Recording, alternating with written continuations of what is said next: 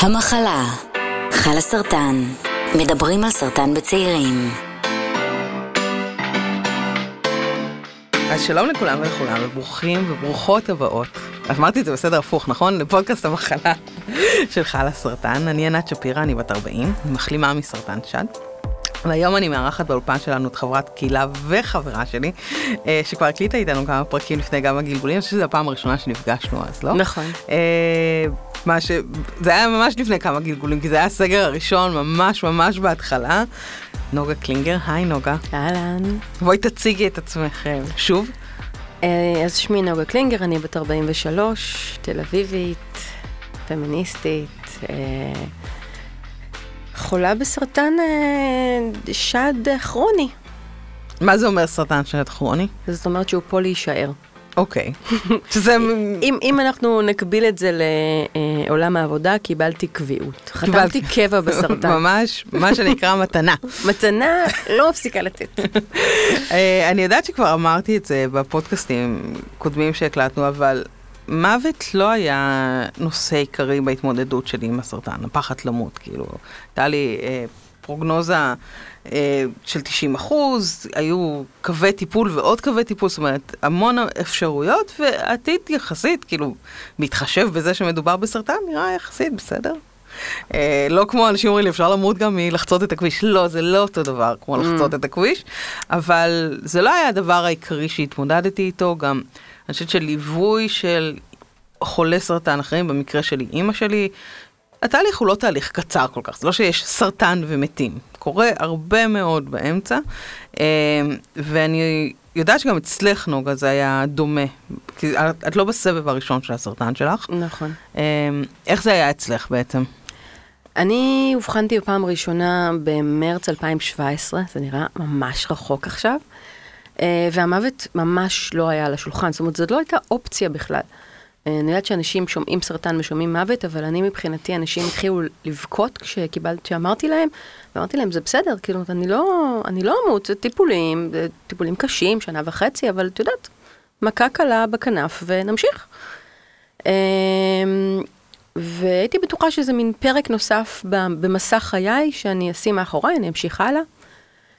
אמ, אובחנתי בפעם השנייה באוקטובר 2019, אוקטובר שעבר, אה, עם גרורה בראש, וגם אז הרופאים שלי חזרו ודיברו על החלמה מלאה. זאת אומרת, המונח הזה, בריאה, החלמה מלאה, כל הזמן חזרו עליו.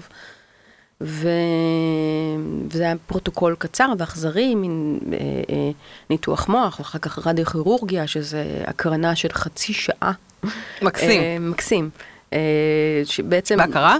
כן, כן, זה הקרנה, זה לא ניתוח.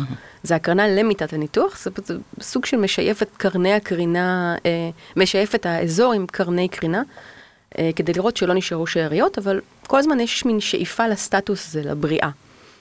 וזה היה קצת כמו מיתוס של סיזיפוס, זאת אומרת, הפעם הראשונה את ככה מגלגלת את האבן ומעלה ההר, ויש את, ה, את העניין הזה של החוסר חזרת מחלה של חמש שנים, שרק אחריו הרופאים קוראים לך בריאה. אז אה, אה, גלגלתי את האבן שנתיים, ואז אה, אה, קיבלתי אבחון פעם שנייה, אז האבן גלגלה למורדות ההר, והמשכתי לגלגל אותו, זאת אומרת, חשבתי שאני חוזרת לאותו אה, תהליך הזה, עוד פעם טיפולים, עוד פעם מאתגר, אבל, אבל הסטטוס הזה מתקדם אליי, או אני מתקדמת לעברו. ואחרי ניתוח מוח יש כל מיני מתנות כאלה שלא מפסיקות לתת, כאילו, כמו שאת לומדת לעמוד לבד, וללכת עוד פעם, ולעלות ולרדת במדרגות. אה, ואז שלושה חודשים אחרי הניתוח, אחרי שלמדתי ללכת, בעצם חזרתי עוד פעם לרוץ. יש לנו את הקבוצת ריצה המדהימה של חלה סרטן. אה, שאת היית בין המקימות שלה? שהייתי, כן, יצא שגם הייתי אה, מי שזרקה את הרעיון בפעם הראשונה. ואז בינואר, שלושה חודשים אחרי, חזרתי לרוץ. ולא האמנתי שזה יקרה, זאת אומרת, בהתחלה זה היה הליכה, ודקה ריצה בקושי וכולי, אבל בפברואר, חודש, סוף פברואר, חודש וחצי אחרי, רצתי במרתון תל אביב חמישה קילומטר. מדהים. ומבחינתי זה היה מדהים, כי רצנו, רצנו כקבוצה, ורצתי בלי הפסקה, וסיימתי את זה אדומה לחלוטין ממאמץ, ובלי נשימה וכולי, אבל סיימתי חמישה קילומטר ריצה, זאת אומרת, התקרבתי עוד יותר לסטטוס הנכסף הזה. ואז התגיעה הקורונה. עכשיו, זה היה ממש פואטי, זאת אומרת, נכנסנו חזרה, כולם התכנסו לבתים שלהם, כולם דיברו על אי-הוודאות, פתאום כולם מדברים בשפה שאני מדברת בה מאז ש... אובחנתי בפעם הראשונה, יום ביומו, ו... ו אני זוכרת שכשהקלטנו את הפרק הקודם, שזה ממש היה, אני חושבת, ב... כזה, מרץ. אמצע, אמצע סוף מרץ, כאילו, ממש בשיא של ההתחלה של הסגר. ו- ואמרת לי, אה, עכשיו כולם כאילו משתווים אליי, אני הייתי במצב הזה, ועכשיו, לגמרי. אני, מה זה, אני בשיא שלי, אני כולם אותו דבר. לגמרי, אני הרגשתי שאני פורחת. Uh, הקבוצת ריצה הזאת, uh, המדהימה שלנו, בעצם uh, ביוזמה של רם, המאמן המופלא של הקבוצה הזאת, נכנסנו לזום, לאימונים בזום. ואז בוקר וערב אנחנו מתעמלים בזום, מתאמנים, אימוני כוח וריצה במעגלים, וריצה קדימה ואחורה, ופתאום זה מתחיל להיות לי קצת יותר קשה. ופתאום מתחילים לי כאבי ראש ממש מוכרים, מוכרים מדי, וזה לא סימן כזה טוב, ואז בלחץ של האיש שלי ושל שתי חברות שלי וגם של הנוירוכירורגית שלי, הקדמתי את ה-MRI, ואכן אה, יש שאריות מהגרורה. אגב, זו פעם שלישית שמתקשרים אלייך, זה כל פעם זה טלפון לבשר לך. עכשיו, זה, נכון שבמובן הקליני, אז אין חזרה של הסרטן, כי גרורה זה משהו שתמיד היה שם. Mm-hmm. אבל במובן החברתי, זה כן חזרה כי את מקבלת טלפון כל פעם מחדש. ומה קורה בעצם עכשיו אה, בשיח... בהבנה שיש עוד שאריות, וזה אז לא... הוא התקשר אליי, הפעם זה לקח שש וחצי שעות מאז ה-MRI. וואו, זה מהיר מאוד. זה הכי מהיר שאי פעם היה לי. ו... ואז ישבתי מולו ועם האונקולוגית שלו, שלי ביחד, ואז הבנתי משניהם שאין יותר בריאה. אין okay. אוקיי. חתירה יותר לסטטוס הזה בריאה. זהו, זה, מה... זה it's here to stay, זה מעכשיו ולתמיד. אמ, ואז זה הפעם הראשונה באמת שהתחלתי לחשוב על מוות כאפשרות אמיתית, נוכחת. אה, אפילו, אפילו כשקיבלתי את, ה, את הבשורה באוקטובר על הגרורה בראש, זאת אומרת, זה לא היה שם ב, בשיח בכלל. בסדר, זה היה בשיח של בדיחות כמו של אנשים בריאים. אה, ואז באמת זה היה קשה מנשוא. זה היה, חשבתי שזה יותר מדי, שזה קשה מדי, כואב מדי. ו, ואגב, אמרת שזה לא קורה מהר, אני דמיינתי שזה נורא מהר. זאת אומרת, זה היה במאי. הבן שלי עלה ל... בספטמבר. אנחנו, בדצ... אנחנו מקליטות את זה בדצמבר, סתם בשביל לתת פה אז... זה היה בחודש מאי, ובחודש ספטמבר הבן שלי עלה לכיתה א', ואני מבחינתי, אני לא רואה את אחד בספטמבר. זאת אומרת, אני לא רואה אותו עולה לכיתה א', יש מסך שחור גדול שמסתיר ביני לבין האחד בספטמבר. אמ, ואז הסיפור היה זה שאגב מוות, אה, שנה, בתחילת חודש, בתחילת יוני, הייתה, היה ש, יום השנה, שנה למותה של אחותי לסרטן. עכשיו, אחותי לסרטן זה מישהי שליוותה אותי יום-יומי בצורה באמת הכי צמודה שיש, היינו צמודות אחת לשנייה בכל התקופה הראשונה של הטיפולים, ובאמת היא מתה נורא מהר. מה זה מהר? מה זה מהר? זה אומר שהיא... באוקטובר שתינו חזרנו, היא נסעה לחו"ל, אני הלכתי, ל... חזרתי לעבודה. במרץ, בפעם הראשונה היא עשתה את. את ה-PET-CT כדי לגלות uh, גרורות, והתברר שיש גרורות all over, והיא נפטרה ביוני. זאת אומרת, okay. זה שלושה כן, חודשים. זה מהיר. זה מהיר מאוד. Um, ואני זוכרת עצמי עושה איזשהו סוג של דמיון מודרך uh, ביום השנה שלה, כי אני באמת האמנתי שאני הולכת להצטרף אליה. אה, ומדמיינת איך אני משחררת אותה. אם את מכירה את, ה, את הסדרה המופלאה של דיסני, החיפושית המופלאה, אז סדרה נהדרת, באמת, אני, אפילו שהיא מצוירת, יופי של סדרה. יש בה איזה דימוי כזה של פרפר שחור. ואני ממש דמיינתי איך אני תופסת אותה, והופכת את הפרפר השחור שהיא הפכה להיות לפרפר לבן, ומשחררת אותה. ואחרי ששחררתי אותה, הרגשתי, קודם כל נפטרתי מהמסע, מוות זה גם של מישהו קרוב זה מסע מאוד כבד עלייך. נכון.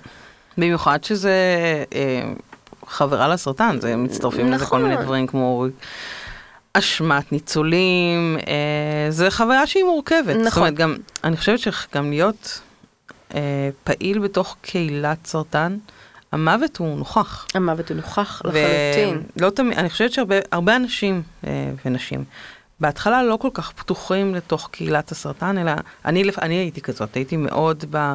אני בהתמודדות שלי, ולקח לי זמן להיפתח. וגם כאילו, לפעמים יש אשליה כזאת שהכל בסדר, ואז פתאום מישהו נפטר, ופתאום, אה, זה, גם אם זה לא אנשים קרובים, ועל אחת כמה וכמה אם זה אנשים קרובים, והאשליה השברירית הזאת של החיים, גם החיים של אחרי, אבל גם החיים בכלל, היא כל הזמן מתנפצת, היא כמו שמשה כזאת, עם, שנופלים עליה אבנים קטנות כאלה, ולפעמים פתאום מקבלים חתיכת אני בומבה. חושבת שהסיפור הזה של האשליה שאת מדברת עליו הוא, הוא הדבר הכי משמעותי פה, כי אני חושבת שמה שאני חיה איתו, או כולנו לצורך העניין בקהילה הזאת, אבל באיזשהו מקום מישהו כרוני וחי עם זה בצורה קבועה, זה יותר נוכח אצלו, זה עניין של הסרת הלוט מהאשליה. זאת אומרת, באיזשהו מקום כל בני האדם חיים באשליית בריאות. ברור. כולנו חיים בתחושה שאנחנו פה לנצח. ו- ואנחנו פשוט הסרנו את הווילון מעל האשליה הזאת ואמרנו, אנחנו לא. אני, אני בכלל חושבת שהתפיסה הבינארית של בריא או חולה, היא תפיסה שהיא היא לא מתאימה לנו יותר. לחלוטין, אני גם יותר מזה. לי מאוד מאוד קשה עם ההנחה הזאת של אה, יש, אה, קודם כל צריך להילחם בסרטן. יש, יש את המונח הזה של הלהילחם. אה, תיכנעי, אה, לא להיכנע לו, אה, להיאבק, לתת אותו בראש, כל, כל המונחים המאוד מאוד. מיליטריסטים, גבריים, תרשה לי להגיד, ומאוד גוזלי אנרגיות בסופו של דבר. אני הרגשתי שמה שאני, אחרי שעשיתי אותו, אותו דמיון מודרך ל, ל, לחברה הזאת שלי, אני הרגשתי שאני מפסיקה להיאבק, ואני עושה שלום עם הסרטן. לא הרגשת את זה לפני זה? לא. אוקיי. ולא רק עושה שלום עם הסרטן, אלא באיזשהו מקום עושה שלום עם המוות. כי היא אומרת, אוקיי, אז- הוא פה, הוא פה, it's here to stay. אני, אני איתו, אני חיה איתו, ואני חיה איתו, ואני רוצה לחיות איתו, ולחיות איתו טוב. אז אם אני רוצה לחיות איתו טוב, אז אני... הוא איתנו בחדר, אבל בואו נשתה קפה טעים, ונאכל קינוח, ונרוץ, ונרקוד, ונשיר, כי כאילו זה החיים, לא? אז אני לא יודעת, כמו, שת, כמו שאנשים, יש את הקלישאה הזאת של לחצות את הכביש, או אה, תיפגעי על ידי אוטובוס, או כל ה... יפגע בך ברק. כן. ממש. אבל אה, אה, זה באמת יכול לקרות לכולם. זאת אומרת, אנשים יכולים תראי. לעלות על אופניים, או, או אופנוע, או אוטו, ולא לחזור הביתה. בוודאות כולם ימותו. בוודאות. זהו, החיים, החיים זה מחלה סופנית, לא? החיים זה. מחלה סופנית. אז אם החיים זה, זה אוסף של מין רגעים טובים כאלה, שבוא נהנה מהם, ו- ונאהב ונחבק את מי שאנחנו אוהבות ואוהבים. ו- ובינתיים נהנה, אני יודעת, הי- היו לי, היו לי שיחות על זה עם, ה- עם הילדים שלי. אוקיי, יש לי ילדים, אה, ילדה בת 11 וחצי וילד בן אה, 6 וחצי. ו- ו- ועלה השאלה הזאת, כאילו, את הולכת למות? ומה ענית להם? מתישהו. האמת שזה... מתישהו כן, אבל אני כאן עכשיו. אז בוא נהנה מכאן ועכשיו. זה מצחיק, הבן שלי, אני חליתי כשהילדים שלי היו בני 4 ו-5, והבן שלי עכשיו בן 7.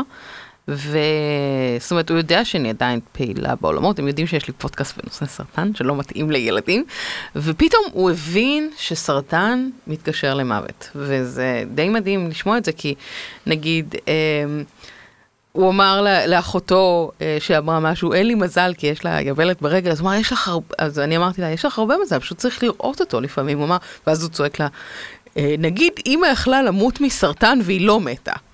איזה מזל מטורף. מזל מטורף. אה, וזה נורא מעשי, ופתאום, ממש לאחרונה, ואני גם לא בטיפולים כרגע, אני לא, זה לא משהו שנוכח ביום יום שלנו, וזה נורא מעניין אותו, הקשר הזה בין מוות אגב, זה וסרטן. תואם גיל, כי נכון. זה לא, לא, עיסוק זה. במוות בהגדרה מתאים לגיל הזה. אז יש לו משהו מאוד קונקרטי לחבר את זה אליו, אבל... אמ, אני חושבת שבאיזשהו מובן, אה, הכרה בזה שכולנו נמות, וש... אתה משחררת, לא? היא, היא מאוד משחררת, היא, היא הרבה יותר קלה, כי אין לי ממה לפחד. זאת אומרת, א', אני לא מפחד מחזרה של סרטן. הוא חזר. הוא כבר פה, אז זאת אומרת, אין לי ממה לפחד. ואני חיה, ואני חיה טוב, אז... אבל אני אה, חושבת שגם יהיה עכשיו אנחנו- גם חיסון לקורונה, אז בכלל טוב. אנחנו, אבל גם התפיסה שלנו של ממה אנחנו, נכון, סרטן זה נורא מפחיד כשאין לך סרטן, והתפיסה שלנו של מה מפחיד בסרטן מאוד מאוד משתנה. אמ, נגיד, אני יכולה להגיד שאחרי שאני מפרקת כל הזמן עוד ועוד את הפחד הזה, אז אני מפחדת שיכאב לי בצורה, אני לא רוצה שיכאב לי. אמ, אני גם זוכרת את אימא שלי בכאבים, אמ, מלאה במורפיום. זה יכול מאוד מאוד לכאוב, אני לא רוצה שיכאב לי ככה. זאת אומרת, זה מצחיק, כי אה, לבן זוג שלי תמיד אמרתי לו, אה, תזכור, אם קורה משהו, יש לי כרטיס אדי, תתרום. ואז כשהבחנתי בסרטן אמרתי לו, תזכור, הכרטיס אדי אפשר לזרוק לא אותו לפח. אבל אני רוצה מלא מורפיום, תזכור את זה. אה, ו- וכמובן, וגם על הילדים, כי אני חושבת שכהורה זה פתאום מאוד מאוד מפחיד. את אני יודעת מה המשמעות, גם כיתומה בעצמי, אה, לא בגילאים האלה, אבל אני רק מדמיינת כמה המשמעות הזאת היא מתרחבת וכמה מסובך זה, ו, ובעצם זה הפחד העיקרי, הפחד על, על הילדים שיגדלו יתומים. אה, נכון, אצלי לפחות. נכון, זה, זה לחלוטין הפחד, אבל באיזשהו מקום, ו- וגם הפחד אגב מהכאב שדיברת עליו, זה לא סתם שמבחינתי ההכרה בזה שהמוות אפשרי, באה בשלב שהיו לי הקרנות לראש. הקרנות לראש. כואבות, הן קשות, הן- הן לא הקרנה עצמה כמובן כואבת, הקרנה עצמה, את לא מרגישה כן. כלום, אבל את יום שלם מסתובבת אחר כך, כאילו אונייה בלב ים. אמ, ושמישהו כבר יעצור את האונייה הזאת ושיביא אותה לחוף. שמישהו יבוא לקחת אותי מהסרטן הזה. זה לגמרי, אבל במובן מסוים, הפחד הזה תמיד קיים. אבל אנחנו כאן עכשיו, אז בואו נהנה ממה שאנחנו כאן עכשיו בו. אז איך... אז אני עוצרת שנייה עם השאלה שלה איך מתכוננות למוות, ואני רוצה להעלות על הקו את ענת טל בובילסקי, שהיא אה, עובדת סוציאלית פליאטיבית, אה, שהיא מלווה אה, את האדם או אישה ואת המשפחה שלהם והסובבים אותם בסוף ימי חייהם, אה, והיא עובדת בצבא רפואה, שזה אומר בעצם אשפוז בית, נכון ענת? אני מתארת את זה נכון? מדויק. מדויקת. אז בעצם, מה זה, איך מתכוננות למוות? איך... אה, שאלה קטנה כזאת, היא לא... בקטנה. בקטנה. את העלית ככה שאלת קפה. כן, נו, אנחנו פה אפילו עם אה, מים. קודם כל- אה, קודם- כל, באמת, הנושא של פרידה, הרי אנחנו עוברות פרידות כל הזמן. אני קמה בבוקר ואני רואה מה שלא ראיתי אתמול במראה, אז פתאום נפרדתי ממה שהייתי אתמול. פרידות קורות כל הזמן. אני חושבת שפרידה בסרטן, גם, גם כשהכול הולך לפי הספר והכל טוב, עדיין יש הרבה מאוד פרידות ואבלות על העצמי הקודם, על uh, מי שהייתי, על האשליית חיים הזאת, על... נכון, ש... נכון. אנחנו אף פעם לא חוזרים אחורה, אנחנו תמיד מתקדמים, לא משנה מה קורה. נכון. גם בלי סרטן. העניין הוא, ש... העניין הוא שאנחנו מתקדמים קדימה, וזה לא בדיוק קדימה, זה קצת הצידה. כן, נכון. אמ, ו- והקדימה הוא, הוא בכיף, אבל הוא הרבה מאוד פעמים הוא הצידה. אז את שאלת מה, מה איך מתכוננים? זה מה ששאלת? גם, גם שאלתי. זו שאלה מאוד גדולה, נראה לי צריך לפרק אותה אולי לשאלות קצת יותר קטנות. תראי, אני חושבת שקודם כל לדעת שפרידה זה לקבל את, ה- את המציאות שחשבתי שהיא קבועה, שהיא פתאום הפכה לזמנית ונעלמת. זה קודם כל לקבל את זה. זה דבר מאוד גדול לקבל. אה, מאוד. לקבל את זה, ואז, ואז בעצם יש כלי, דבר, כלי נפלא שאומר, קודם כל אני אסתכל על המציאות ואני אבדוק, האם אני מגדירה אותה כבעיה, או כי אני מגדירה אותה כמצב. אחד מהכלים. אוקיי. אם אני מגדירה את, את המציאות כבעיה, אני אחפש לה פתרון. אם אני מגדירה את, את המציאות כמצב, אני אסתגל אליה. את יכולה לתת דוגמה? לגמרי. את- יכולה לתת דוגמה כדי לה- להמחיש. את זה? בהחלט. אדם שמקבל, אה, אדם שמקבל את, ה, את המתנה הכפויה הזאת שנקראת סרטן, אה, מתחיל ב, בבחירות קודם כל. מה אני מתכוון לעשות עם זה? האם אני הולך לטפל בזה? בוודאי, ברור, אם אני, במיוחד אם אני בחור צעיר, אין על מה לדבר בכלל. אני אטפל בזה. אני אטפל בזה, וכל עוד שהצלחתי להגיע למציאות רצויה יותר, אז המציאות הזאת היא בעיה ומצאתי לה פתרון. ברגע שהטיפול משתנה, או שהוא כבר לא נותן את הפירות שביקשתי, כדי שאני לא אכנס לתסכול וכעס, ואשמה, ואכזבה, ומרמור, אני אמורה להתבונן במציאות הזאת ולהגיד לה, לעצמי, זה מצב, זה מצב שאני לא יכולה לשנות אותו כרגע, אני אמורה לחיות איתו, ואולי עצם זה שאני חיה איתו, אני גם אראה אותו טיפונת אחרת. זה ההבדל בין בעיה למצב. ואיך אפשר בעצם לקבל את זה? הזה. כן. אני חושבת שאין דרך אחת.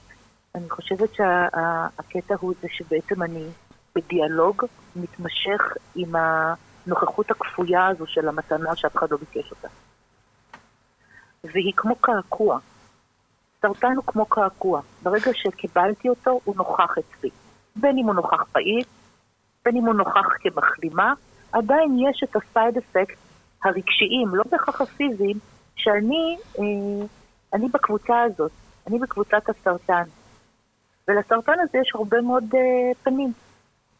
אז להתכונן לפרידה, קודם כל, זה כל כך חמוד, יש לנו אפשרויות להתכונן לפרידה כל יום. להיערך מבחינה כלכלית, להיערך מבחינת זוגיות, הורות. אה, זוגות צעירים, הרבה פעמים אני פוגשת בעבודה שהאימא של המטופל, של החולה, רוצה את המקום האימהי שלה, אבל הבן זוג רוצה את המקום הזוגי שלו, ואז יש בלאגן. כן, זו השאלה, האם אני ילד או, או בן זוג. אני אקח אותך רגע, ש... רגע. אחורה, אני אקח אותו רגע צעד אחד אחורה ואשאל אותך בעצם, שאלה שענת לא שאלה, אני חושבת, מה זה בכלל ליווי פליאטיבי? זאת אומרת, אוקיי. למה צריך את זה? ליווי, קודם כל לא צריך את זה כדאי את זה. לא, ברור, ברור, אבל מבחינתנו צריך. רק כדאי את זה. אה, אוקיי. ליווי פליאטיבי הוא בעצם אה, ליווי שעובד על איזון סימפטומים. איזון סימפטומים של כאב. אנחנו לא נוגעים במחלה עצמה, בשביל זה יש את המומחים האלופים בבתי החולים, אלא אנחנו נוגעים באיזון הסימפטומים שבגדול, בגדול אני אדבר על הטוטל פיין, זה מושג מקצועי שאומר, יש לנו ארבעה סוגים של כאב. יש את הכאב הפיזי, הכאב הרגשי, הכאב הקוגניטיבי, קוגניטיבי-סוציאלי, והכאב הרוחני. כאב פיזי כואב לי בבטן, בראש, בחזה, ברגליים. כאב רגשי, אני פוחדת, אני כועסת, אני מבולבלת, אני מאוכזבת. כאב קוגניטיבי, מה יקרה? מה יהיה עם הילדים? מה יהיה עם הבעל? מה יהיה עם ההורים שלי? מה יהיה עם האחים שלי? מה יהיה? מה יהיה אחרי שאולי לא אוכל להיות מי שאני כרגע? וכאב רוחני, למה זה דווקא קרה לי? מה עשיתי? למה? יש לך שאלות כאלה? לי? כן, של למה... לא, לא, אני שואלת את נוגה. לא. קודם כל, למה זה קורה דווקא לי... אה, אני, חייבת, אני שואלת את זה גם כי אותי זה לא מאוד העסיק למה זה קורה. לא, מבחינתי יש uh, ביולוגיה והיא כנראה לא... התפקששה שם. עושה איזה טעות והתפקששה וזה אני... לא, לא שואלת את זה, אבל... Uh, השאל, לא, השאלות ה... האחרות כן. האחרות כן. אוקיי. בהחלט. אוקיי. בעיקרון כולנו מתישהו נוגעות באחד מהם או בכולם. כולנו, זה לא ב... הטוטל פיין הוא לא נחלתו רק של האדם שמתמודד עם מחלה שמסכנת את חייו, ממש לא. לא, זה שאלות גם קיומיות כאלה. כן, שאלות קיומיות מובהקות. מובהקות. ולכן, ברגע שאנחנו נכנסים, הטיפול הפליאטיבי בא לאזן את ארבעת הפרמטרים האלה. ליצור מצב של הבנה, יכולת אה, ביטוי של הדברים שאולי קשה לדבר אותם בבית, מתוך פחד לפגוע, להדאיג, הצורך בעזרה, בכאב פיזי שאני לא מצליחה לעשות לבד, אלא אני צריכה עזרה שתבוא מבחוץ. זה מה שטיפול פליאטיבי עושה. אני, אני, יש לי... מלווה את האדם על פי הבחירות שלו. יש לי שאלה, כי אני חושבת שהרבה אנשים, במיוחד במצבים האלה, קצת מפחדים להגיד למשפחה שלהם. אני... כי הם מפחדים שזה גם כאילו אה, יפגע בכוח. המשפחה יותר מפחדת. לא, אבל, לא אבל, שהבן אדם החולה... אבל לבוא ולהגיד, אה, אני מפחד אה, זה לא הולך להיגמר טוב, לה- להכיר בזה. ולא ב...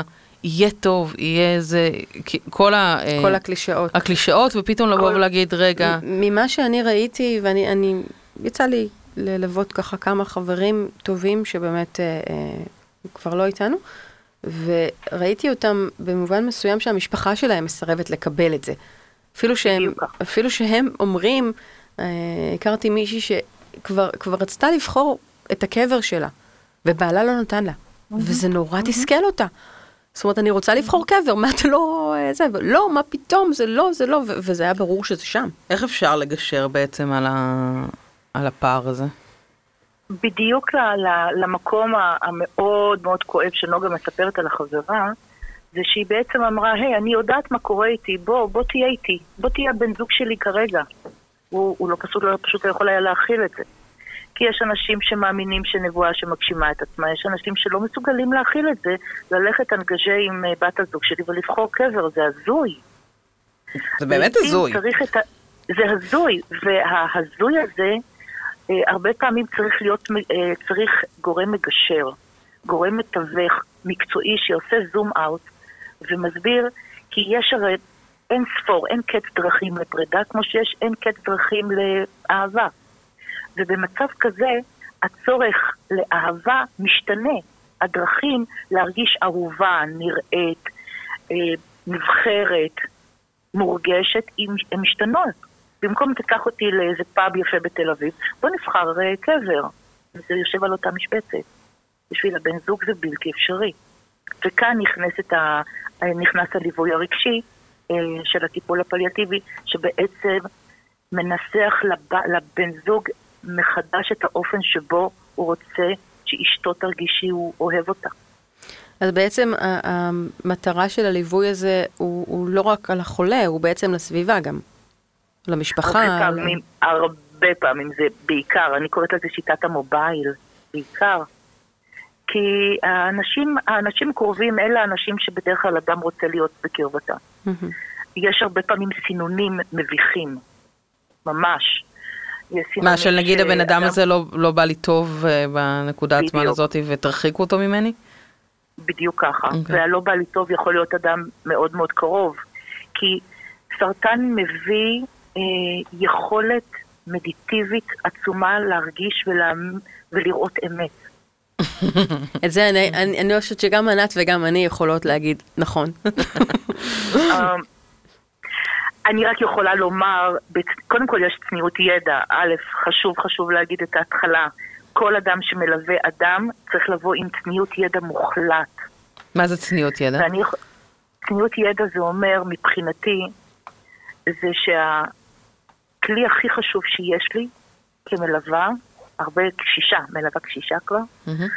אה, לשאול שאלות. לאפשר לאדם לבחור בחירות פסיכיות, כביכול פסיכיות.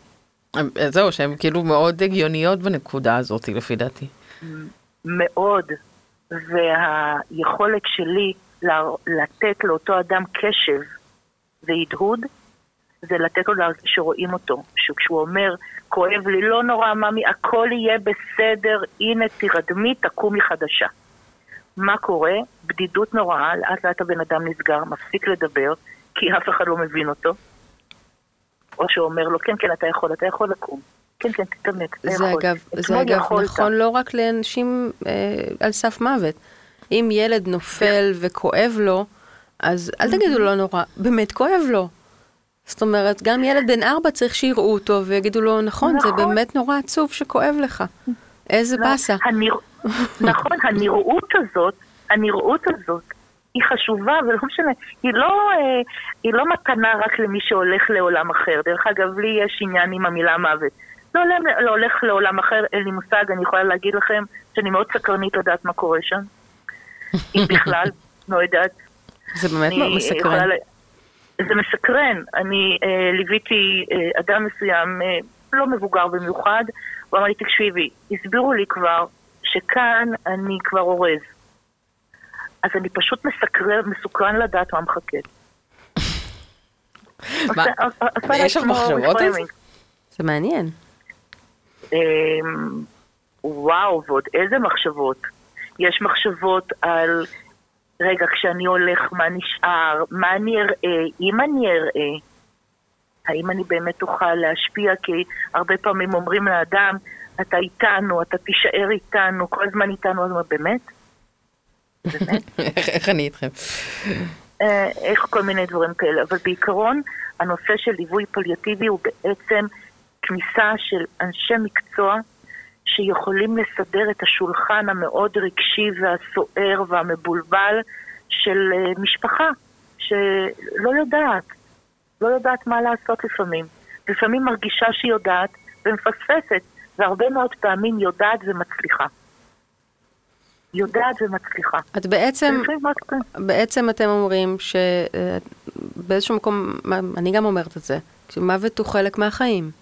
אז אתם בעצם נמצאים שם בשלב הזה, כמו שאנחנו נמצאים כשיש, לא יודעת מה, ילד חדש וצריך להיערך אה, במשפחה, או כשיש, אה, לא יודעת מה, כל דבר שקורה, גירושין חס וחלילה, או כל, כל דבר שקורה ב, ב, במשפחה, בבית, בעולם, מוות זה גם חלק מהדברים האלה, וגם צריך אליו להיערך. נכון? את יודעת, הגדרתי נכון? אימא שלי, אימא שלי בת 86, וכשהתחלתי לעבוד, סיפרתי לה על העבודה שלי, ואז היא אמרה לי, ענתינקה, רק מי שחי יש לו זכות למות. משפט יפה. אז איזה, עצות יש לך? אותי. אז הזכות למות, כי בעצם להיוולד, אני מקווה בפנטזיה שכולנו נולדים מאהבה. אני מקווה. בוא, בוא, בוא נשאיר את זה ככה. זה מדהים שאת עובדת סוציאלית פיליאטיבית, זה מה שאת חושבת. ככה, את יודעת, כן. אני אומרת את זה ככה, אני מקווה. אבל מהרגע שנולדנו, וקצת כמה שנים אחר כך, יש לנו את היכולת לארגן לעצמנו את חדר הלידה לעולם האחר. כי בדרך כלל אדם מסיים את חייו, מסיים לא בהכרח רק מת, את הפיזי, אלא מתחיל את תהליך הפרידה באופן שהוא חי את חייו. וככל שאנחנו אוספים אהבה טהורה, ומשמעות, וטוב לב, ונתינה וקבלה. ככה, משום מה, בקסם, ככה אנחנו מוצאים את עצמנו גם הולכים להמשך. אז אני, בטיפול הפרטי שלי, מעבר לצבא רפואה, אני קוראת לעצמי דולה לעולם אחר. מאיפה אנחנו יודעים? אנחנו לא יודעים. וזה לא המוות, זה ההכנה. המוות היא תוצאה פיזית שכולנו נגיע אליה. אני יכולה לומר לכם שאני מכינה את מותי כל יום. כל יום. מבחינתי זה משהו שהוא בשונה מתאונת דרכים או לעבור את הכביש ושידרוס אותי פיל, אה, מחלה היא משהו שנותן לך זמן להיערך. זה לא בא במפתיע. זה משהו שאומרים לך, אתה אמור לנשום ולהבין רגע מה אומרים, להסכים או לא להסכים דרך אגב, לא דיברנו על זה בכלל. ואז אני בעצם נערכת למה שידעתי מרגע שאני ברת דעת שזה יגיע. רק הכוונה שלי רק כשזה יגיע, זה יגיע, אמנם רומנטיקה הייתי מאוד רוצה, אבל זה סביר להניח שזה יגיע באיזשהו סוג של אי נוחות רגשית, אי נוחות פיזית, שאני מקווה ויודעת שיש אמצעים אה, להקל עד כמה שאפשר. להקל עד כמה שאפשר, ויכול להיות שפה אני נוגעת בנושא של בעיה ומצב. כי כשאני מלווה אנשים אומרים שאחד הפחדים הכי גדולים שלהם שזה יכאב. אז בהתחלה שהייתי מאוד ירוקה אמרתי אני מבטיחה שלא יכאב כלום. היום אני אומרת אני מבטיחה שאני אעשה את הכל שיכאב הכי פחות. כי כאב מרגיש רק אדם חי. ולא תמיד נכון להוציא לגמרי תחושת הכאב, כי כאב היא תחושה של סוג של חיות. האמת שזה מתקשר אפילו לספורט שדיברת עליו בהתחלה, של uh, האימון הזה של הגוף uh, בשביל המשחק הזה, זאת אומרת, אני חושבת שזה מאוד uh, נכון בעולמות הסרטן, של כן uh, להתעקש על הספורט, כדי להרגיש את התחושת חיות הזאת, וזה מעניין שזה גם... לשיר ולרקוד ולרוץ או ללכת, מבחינתי זה שייך לאותן אה, קטגוריות של דברים שאת עושה מתוך אנרגיית צ'י אפילו, של חיים. לא, אנרגיית שיט, נכון, בדיוק, אנרגיית חיים. אנרגיית חיים. ו- אה, בדיוק, מישהו נורא- אומר לי, כואב לי. מישהו אומר לי, ענת, כואב לי, אני אומרת, איזה מזל, אתה חי. נכון. אני גם, זה נורא מתחבר לי לאמירה הזאת שלי, של ה, מה שאמרתי על לעשות שלום עם, ה, עם הסרטן, עם המוות, כי אה, בדיכוטומיה הזאת שאנשים מדברים עליה, על לנצח את הסרטן, כל המילים הקשות האלה, אני, אה, אני אומרים חייבת מהצד לשים... השני, אומרים מהצד השני, לכל ניצחון יש גם מפסידים. אז אתם אומרים שבעצם שמי שמת הפסיד? ואני לא מוכן, זאת אומרת, זה נורא נורא מבאס. לא, מי, מי שמת עד הרגע האחרון רצה לחיות. אני, אני חייבת להודות שגם אני השינוי, אה, גם אני עברתי איזשהו שינוי במילים שבהם אנחנו משתמשות בשביל לדבר על סרטן, וזה גם הגיע דווקא מהנקודה של המוות שהיה הטריגר של אה, מי שמת לא הפסיד, הוא לא בדיוק. נכנע. לא הוא נכנע, זה, זה נורא בעיניי שההספדים, את רואה הספדים כתובים בכל מקום, נכנעה, לס... היא לא נכנעה. נורא. היא לא נורא, נכנעה נורא. והיא לא הפסידה, היא עד השנייה האחרונה נשמה וחייכה וצחקה, אני זוכרת ואז שקראתי, היא הפסיקה לנשום, זה הכל. קראתי, כת- אני, אני אוהבת את, מיצתה את חייה עד תום. כן, ממש. נשמה עד השנייה האחרונה. החוויה הזו של... כי בעצם הרבה פעמים. אנחנו גם רואים את זה אצל אנשים, אצל, אצל כולנו, נכנסים לבית מלון, במקום ליהנות מזה שאת יושבת רגע ומישהו מכין לך איזה משהו טעים, את עסוקה ברגע מתי אני אסע לחוף, מה אני אעשה מחר, לא נוכחים ברגע. ואז זה בעצם לגמרי כל המצב. הרגעים נעלמים. ובאמת, אז בשביל מה? אם אני לא נוכחת ברגע, אז נו באמת, אז בשביל מה? נכון. אז לכן אני חושבת שכל ה... כי פרידה הרי זה לא, היא לא, היא לא חד צדדית, היא רב צדדית, היא אפילו לא דו צדדית, היא רב צדדית. זה הסביבה שמבינה שהיא בתהליך פרידה. לכן חשוב לי להשתמש במילה תהליך. כי התהליך הזה יכול לקחת שנים. כל החיים. באמת. אני, אני, אומרים לי שאני פסיכית, יכול להיות שיש משהו בזה, אבל אני מבחינתי אה, עושה הרבה מאוד פעולות בהבנה, למשל, יש, את יודעת, יש הומור שחור, אין מה לעשות.